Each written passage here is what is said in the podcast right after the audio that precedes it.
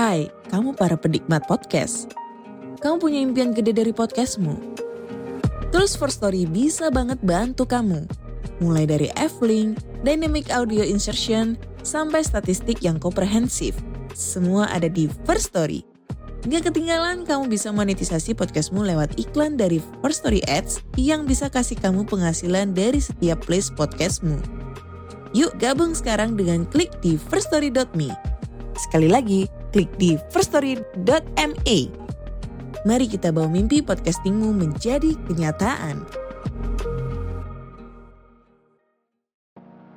Podcast ini bekerja sama dengan First Story. Kalau kalian belum pernah dengar First Story, ini adalah platform palu gada baru yang paling keren dan memiliki fitur yang lengkap.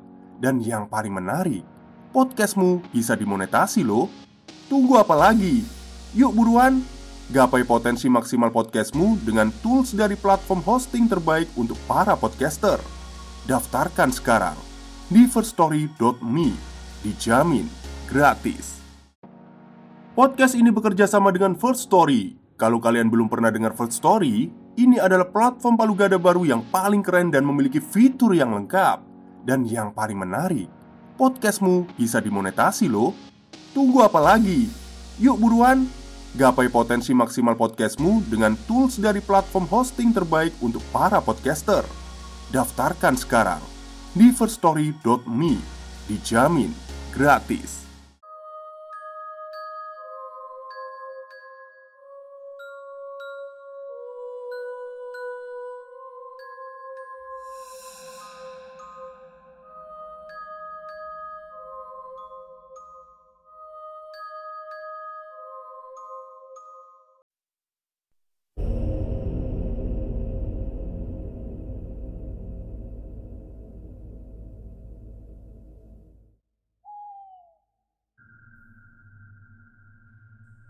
Assalamualaikum warahmatullahi wabarakatuh. Halo apa kabar semuanya? Semoga kalian semua baik-baik saja ya.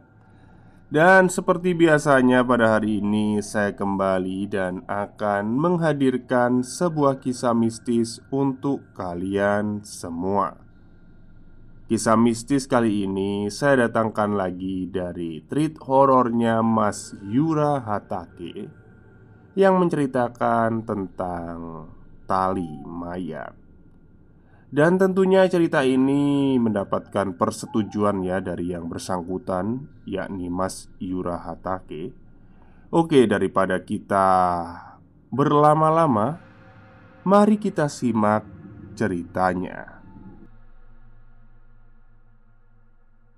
Ini adalah kisah nyata yang dialami oleh sebut saja namanya kakek Made.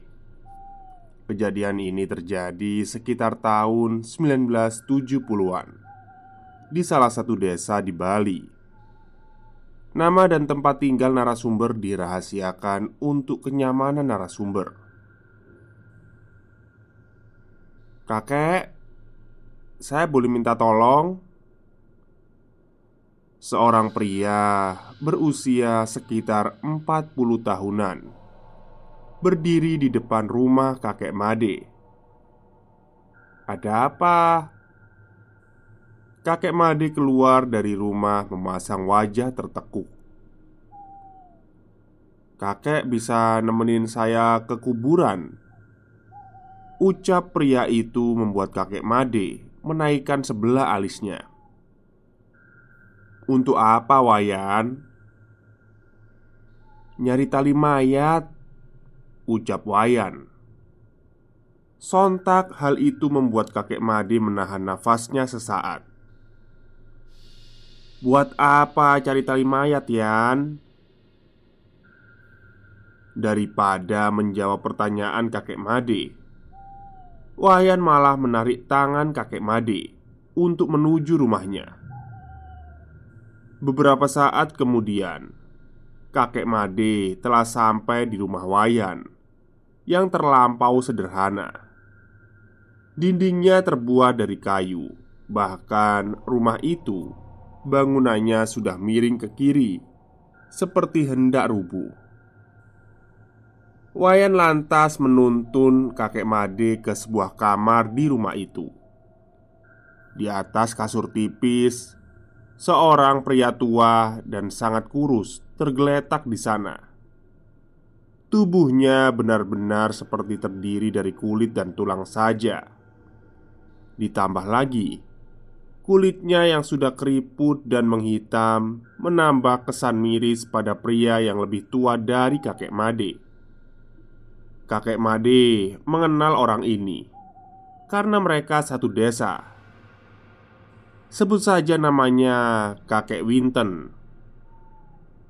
Kakek Winton ini sudah berumur lebih dari 100 tahun. Pria yang sangat tua itu sudah tidak bisa berdiri lagi.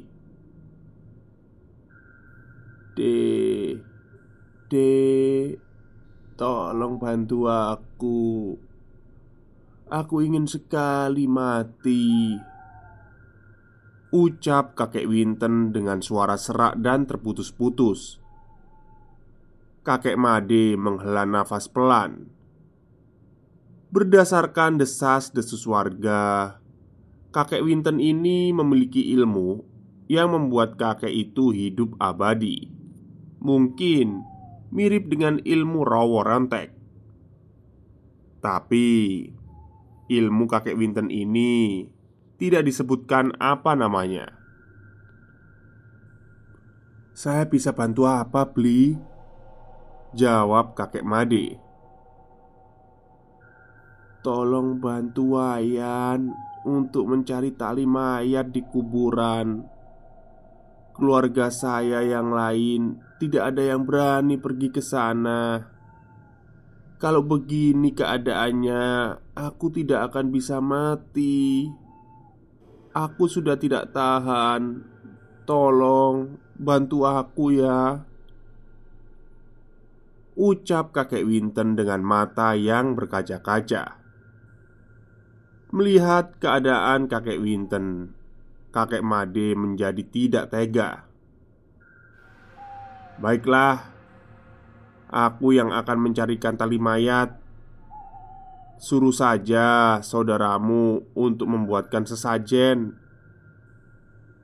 Jawab kakek Made Wayan yang sejak tadi berdiri di samping kakek Made menghela nafas lega. Pasalnya, siapa yang berani akan melakukan hal itu? Sebab untuk mencarinya tidaklah boleh sembarangan. Harus dilakukan pada tengah malam. Bayangkan saja jika kamu penakut, kekuburan tengah malam adalah hal yang sangat mengerikan Apalagi di kuburan sana, kau akan menggali kuburan dan mengambil tali mayat yang terbuat dari bambu.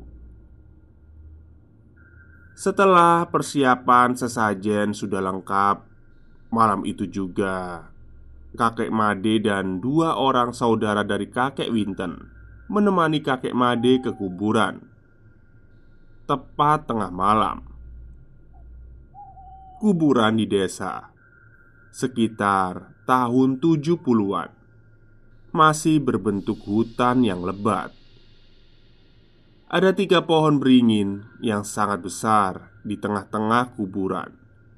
Kemudian Ketika akan masuk kuburan Kita harus berjalan sekitar 100 meter untuk mencapai daerah kuburan inti Kakek Made, Wayan, dan Kadek berdiri di depan pintu masuk kuburan yang gerbangnya terbuat dari anyaman bambu.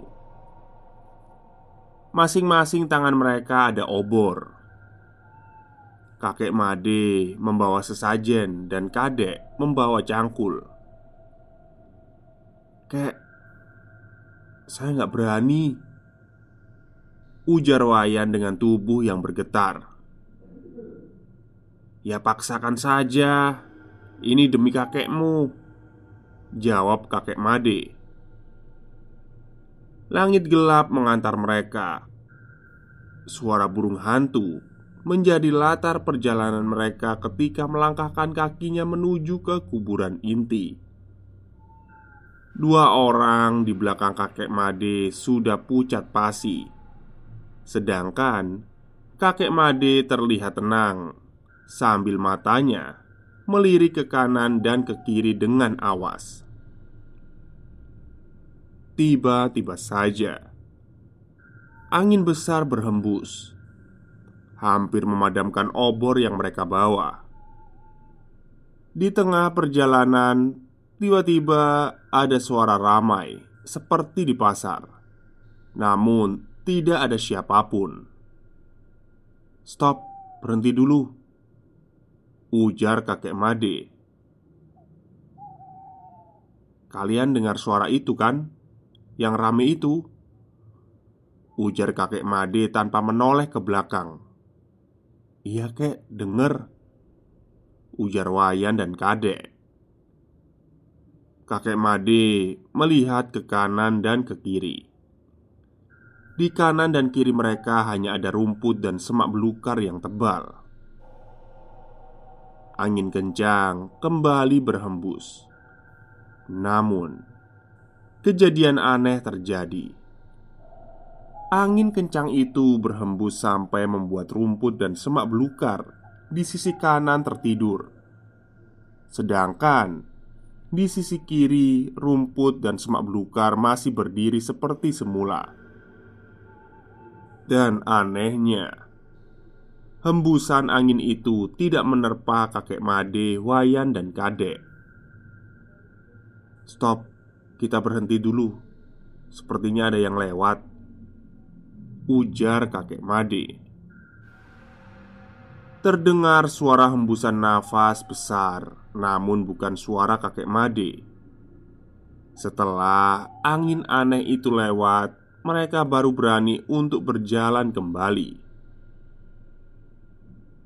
Kalian jangan menanggapi suara makhluk tak kasat mata itu ya Fokus berjalan Supaya kita cepat sampai dan selesai Ujar kakek Made Mengetahui kalau Wayan dan kadek berbisik Perihal suara-suara aneh yang mengikuti mereka.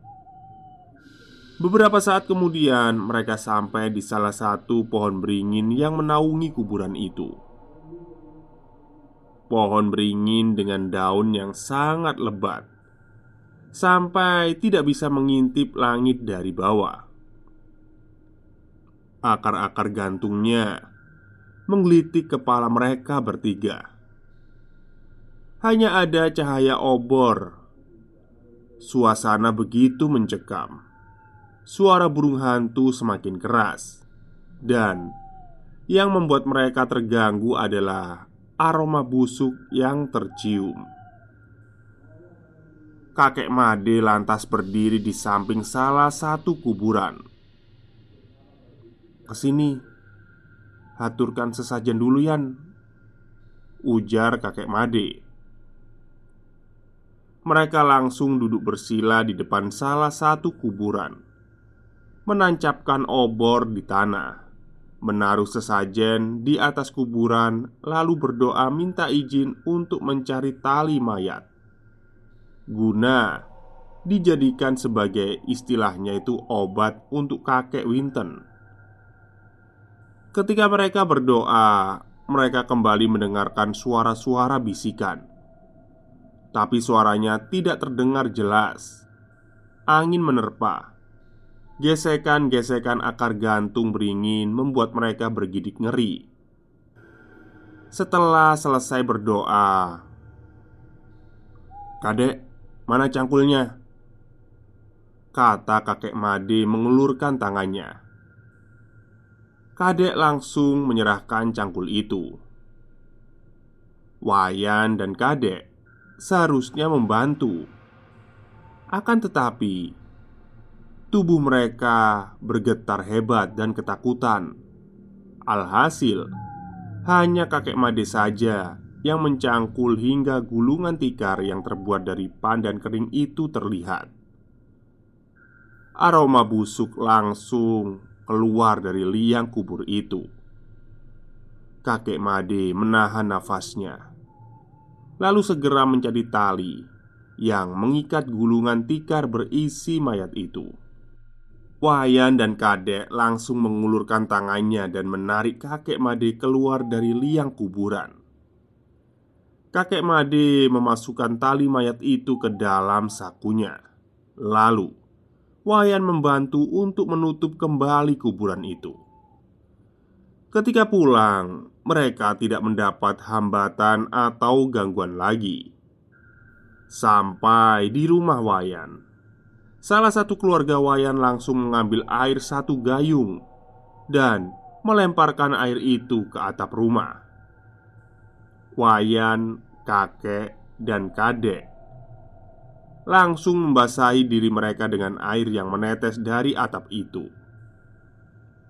Menurut kepercayaan di desa itu, air dari atap itu bertujuan untuk mengusir makhluk halus yang sekiranya ikut saat kita datang dari kuburan.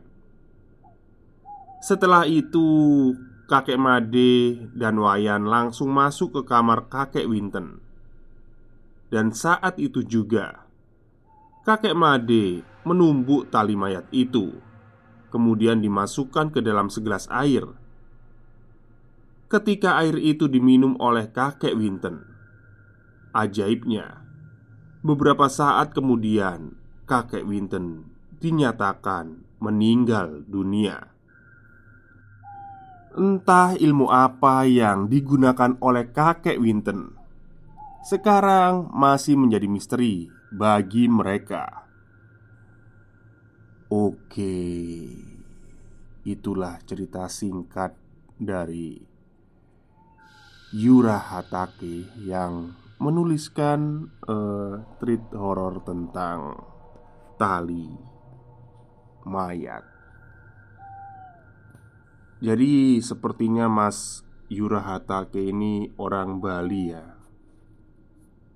Uh, di sini sebenarnya banyak dialog berbahasa Bali. Cuman alhamdulillahnya ternyata Mas Yura mentranslitnya ke dalam bahasa Indonesia. Jadi saya nggak kerepotan ini Bagus-bagus sekali ya ceritanya Jadi saya baru tahu itu Kalau Rowo Rontek itu Kalau di Jawa itu kayak apa ya Ilmu Ya bisa dikatakan ilmu abadi juga sih Kayak Pancasona gitu ya Jadi meskipun kita uh, Ditembak Itu nggak bakal mati. Kecuali Itu ada pengapesannya. Pengapesannya itu kayak uh, istilahnya itu pengapesan itu kayak sialnya gitu ya. Jadi kalau kita mau membunuh orang yang memiliki ilmu pancasona atau raworontek itu Ketika kita ngebacok atau membelah kepala atau tangannya itu tidak boleh sampai menempel di tanah. Jadi ya udahlah selesai digorok gitu kepalanya. Dia itu nggak boleh mayatnya itu nggak boleh nempel di tanah. Soalnya kalau nempel di tanah nanti bisa nyatu kembali gitu. Oke mungkin itu saja Kisah yang saya dapatkan dari Mas Yura Hatake Terima kasih sudah diizinkan untuk menceritakan kisahnya ya Oke, mungkin itu saja untuk siang hari ini. Semoga kalian semua suka. Selamat siang dan selamat beristirahat.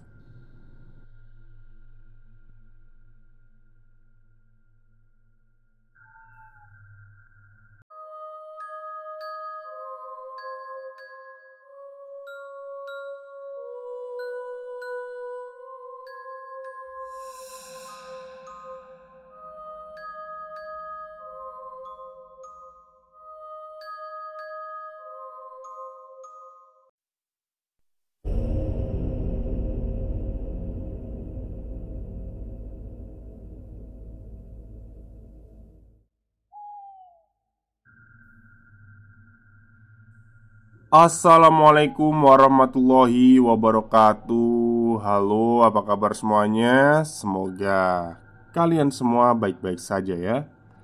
Dan seperti biasanya pada hari ini saya kembali dan akan menghadirkan sebuah kisah mistis untuk kalian semua.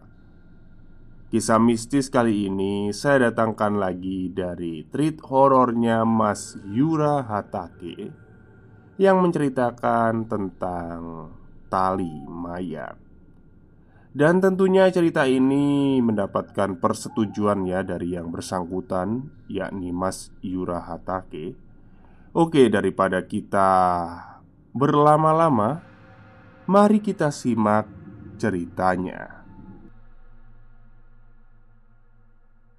Ini adalah kisah nyata yang dialami oleh sebut saja namanya kakek Made. Kejadian ini terjadi sekitar tahun 1970-an Di salah satu desa di Bali. Nama dan tempat tinggal narasumber dirahasiakan untuk kenyamanan narasumber. Kakek, saya boleh minta tolong? Seorang pria berusia sekitar 40 tahunan berdiri di depan rumah kakek Made. "Ada apa?" Kakek Made keluar dari rumah memasang wajah tertekuk. "Kakek bisa nemenin saya ke kuburan?" Ucap pria itu membuat kakek Made menaikkan sebelah alisnya. "Untuk apa, Wayan?" "Nyari tali mayat," ucap Wayan. Sontak hal itu membuat kakek Made menahan nafasnya sesaat. Buat apa cari tali mayat, Yan? Daripada menjawab pertanyaan kakek Made Wayan malah menarik tangan kakek Made Untuk menuju rumahnya Beberapa saat kemudian Kakek Made telah sampai di rumah Wayan yang terlampau sederhana. Dindingnya terbuat dari kayu, bahkan rumah itu bangunannya sudah miring ke kiri, seperti hendak rubuh. Wayan lantas menuntun kakek Made ke sebuah kamar di rumah itu.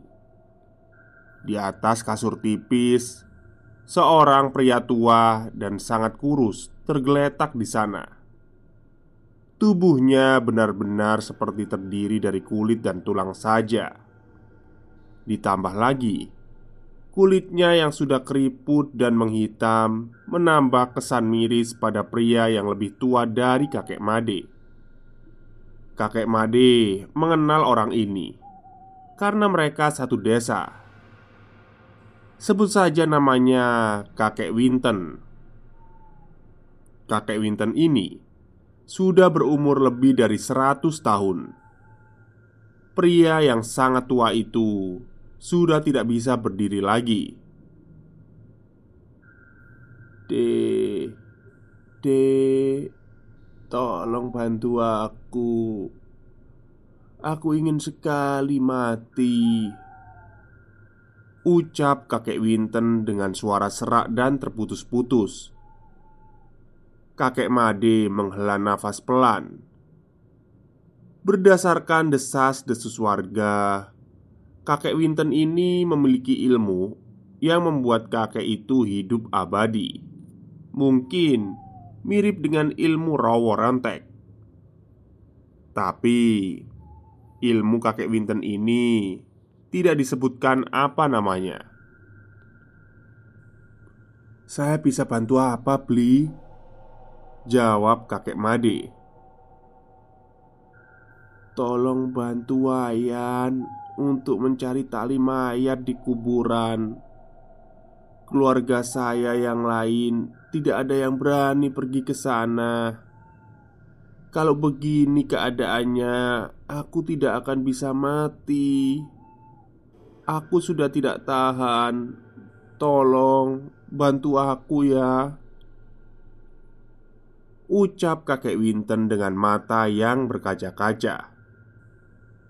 Melihat keadaan kakek Winton Kakek Made menjadi tidak tega. Baiklah Aku yang akan mencarikan tali mayat. Suruh saja saudaramu untuk membuatkan sesajen. Jawab kakek Made. Wayan yang sejak tadi berdiri di samping kakek Made menghela nafas lega. Pasalnya, siapa yang berani akan melakukan hal itu? Sebab untuk mencarinya tidaklah boleh sembarangan. Harus dilakukan pada tengah malam. Bayangkan saja jika kamu penakut, kekuburan tengah malam adalah hal yang sangat mengerikan Apalagi di kuburan sana, kau akan menggali kuburan dan mengambil tali mayat yang terbuat dari bambu. Setelah persiapan sesajen sudah lengkap, malam itu juga kakek Made dan dua orang saudara dari kakek Winton menemani kakek Made ke kuburan. Tepat tengah malam, kuburan di desa. Sekitar tahun 70-an Masih berbentuk hutan yang lebat. Ada tiga pohon beringin yang sangat besar di tengah-tengah kuburan. Kemudian Ketika akan masuk kuburan Kita harus berjalan sekitar 100 meter untuk mencapai daerah kuburan inti Kakek Made, Wayan, dan Kadek berdiri di depan pintu masuk kuburan yang gerbangnya terbuat dari anyaman bambu. Masing-masing tangan mereka ada obor. Kakek Made membawa sesajen dan kadek membawa cangkul. Kek, saya nggak berani. Ujar Wayan dengan tubuh yang bergetar. Ya paksakan saja Ini demi kakekmu Jawab kakek Made Langit gelap mengantar mereka Suara burung hantu menjadi latar perjalanan mereka ketika melangkahkan kakinya menuju ke kuburan inti. Dua orang di belakang kakek Made sudah pucat pasi, sedangkan kakek Made terlihat tenang sambil matanya melirik ke kanan dan ke kiri dengan awas. Tiba-tiba saja angin besar berhembus, hampir memadamkan obor yang mereka bawa. Di tengah perjalanan, tiba-tiba ada suara ramai seperti di pasar, namun tidak ada siapa pun. Stop, berhenti dulu Ujar kakek Made Kalian dengar suara itu kan? Yang rame itu Ujar kakek Made tanpa menoleh ke belakang Iya kek, denger Ujar Wayan dan kadek Kakek Made melihat ke kanan dan ke kiri Di kanan dan kiri mereka hanya ada rumput dan semak belukar yang tebal Angin kencang kembali berhembus. Namun, kejadian aneh terjadi. Angin kencang itu berhembus sampai membuat rumput dan semak belukar di sisi kanan tertidur, sedangkan di sisi kiri rumput dan semak belukar masih berdiri seperti semula. Dan anehnya, Hembusan angin itu tidak menerpa kakek Made, Wayan, dan Kadek. "Stop, kita berhenti dulu. Sepertinya ada yang lewat." Ujar kakek Made. Terdengar suara hembusan nafas besar, namun bukan suara kakek Made. Setelah angin aneh itu lewat, mereka baru berani untuk berjalan kembali. Kalian jangan menanggapi suara makhluk tak kasat mata itu ya Fokus berjalan Supaya kita cepat sampai dan selesai Ujar kakek Made Mengetahui kalau Wayan dan kadek berbisik Perihal suara-suara aneh yang mengikuti mereka Beberapa saat kemudian, mereka sampai di salah satu pohon beringin yang menaungi kuburan itu. Pohon beringin dengan daun yang sangat lebat, sampai tidak bisa mengintip langit dari bawah. Akar-akar gantungnya menggelitik kepala mereka bertiga. Hanya ada cahaya obor. Suasana begitu mencekam suara burung hantu semakin keras, dan yang membuat mereka terganggu adalah aroma busuk yang tercium. Kakek Made lantas berdiri di samping salah satu kuburan. "Ke sini, haturkan sesajen dulu, Yan," ujar kakek Made. Mereka langsung duduk bersila di depan salah satu kuburan.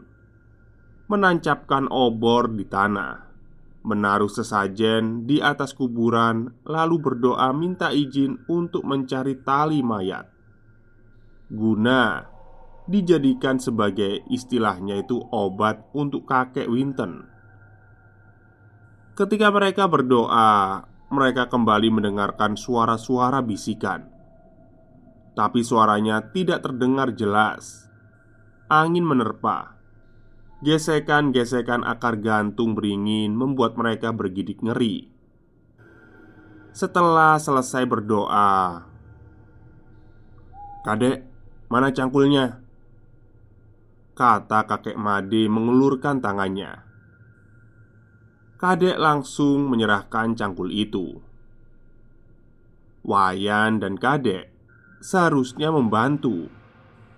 Akan tetapi, Tubuh mereka bergetar hebat dan ketakutan. Alhasil, hanya kakek Made saja yang mencangkul hingga gulungan tikar yang terbuat dari pandan kering itu terlihat. Aroma busuk langsung keluar dari liang kubur itu. Kakek Made menahan nafasnya, lalu segera mencari tali yang mengikat gulungan tikar berisi mayat itu.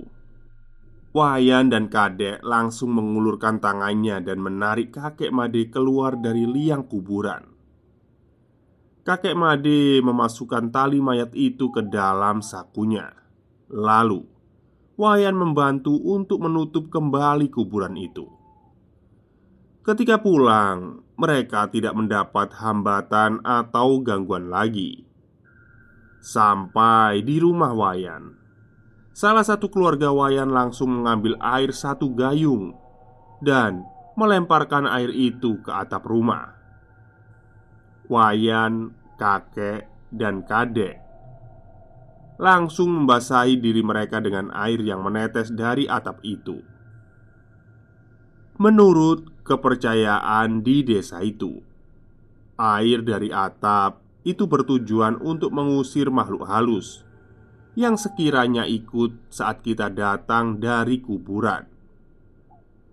Setelah itu, kakek Made dan Wayan langsung masuk ke kamar kakek Winton.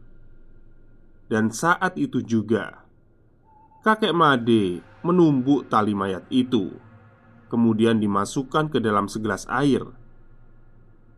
Ketika air itu diminum oleh kakek Winton, ajaibnya Beberapa saat kemudian, kakek Winton dinyatakan meninggal dunia.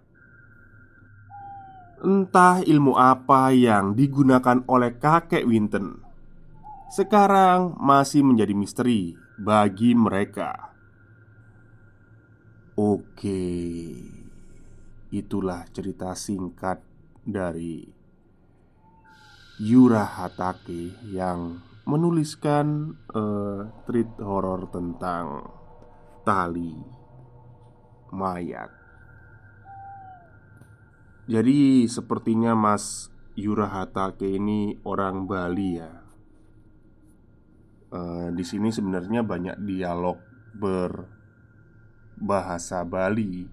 Cuman alhamdulillahnya ternyata Mas Yura mentranslate-nya ke dalam bahasa Indonesia. Jadi saya nggak kerepotan gitu Bagus-bagus sekali ya ceritanya Jadi saya baru tahu itu Kalau Rowo Rontek itu Kalau di Jawa itu kayak apa ya Ilmu Ya bisa dikatakan ilmu abadi juga sih Kayak Pancasona gitu ya Jadi meskipun kita uh, Ditembak Itu nggak bakal mati Kecuali Itu ada Pengapesannya Pengapesannya itu kayak uh, istilahnya itu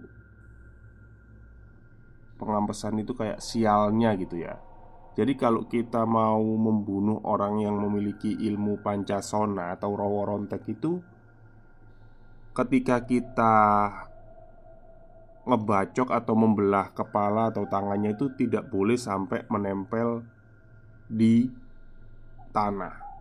Jadi ya udahlah selesai digorok gitu kepalanya dia itu nggak boleh mayatnya itu nggak boleh nempel di tanah soalnya kalau nempel di tanah nanti bisa nyatu kembali gitu oke mungkin itu saja kisah yang saya dapatkan dari Mas Yura Hatake terima kasih sudah diizinkan untuk menceritakan kisahnya ya Oke, mungkin itu saja untuk siang hari ini. Semoga kalian semua suka. Selamat siang dan selamat beristirahat.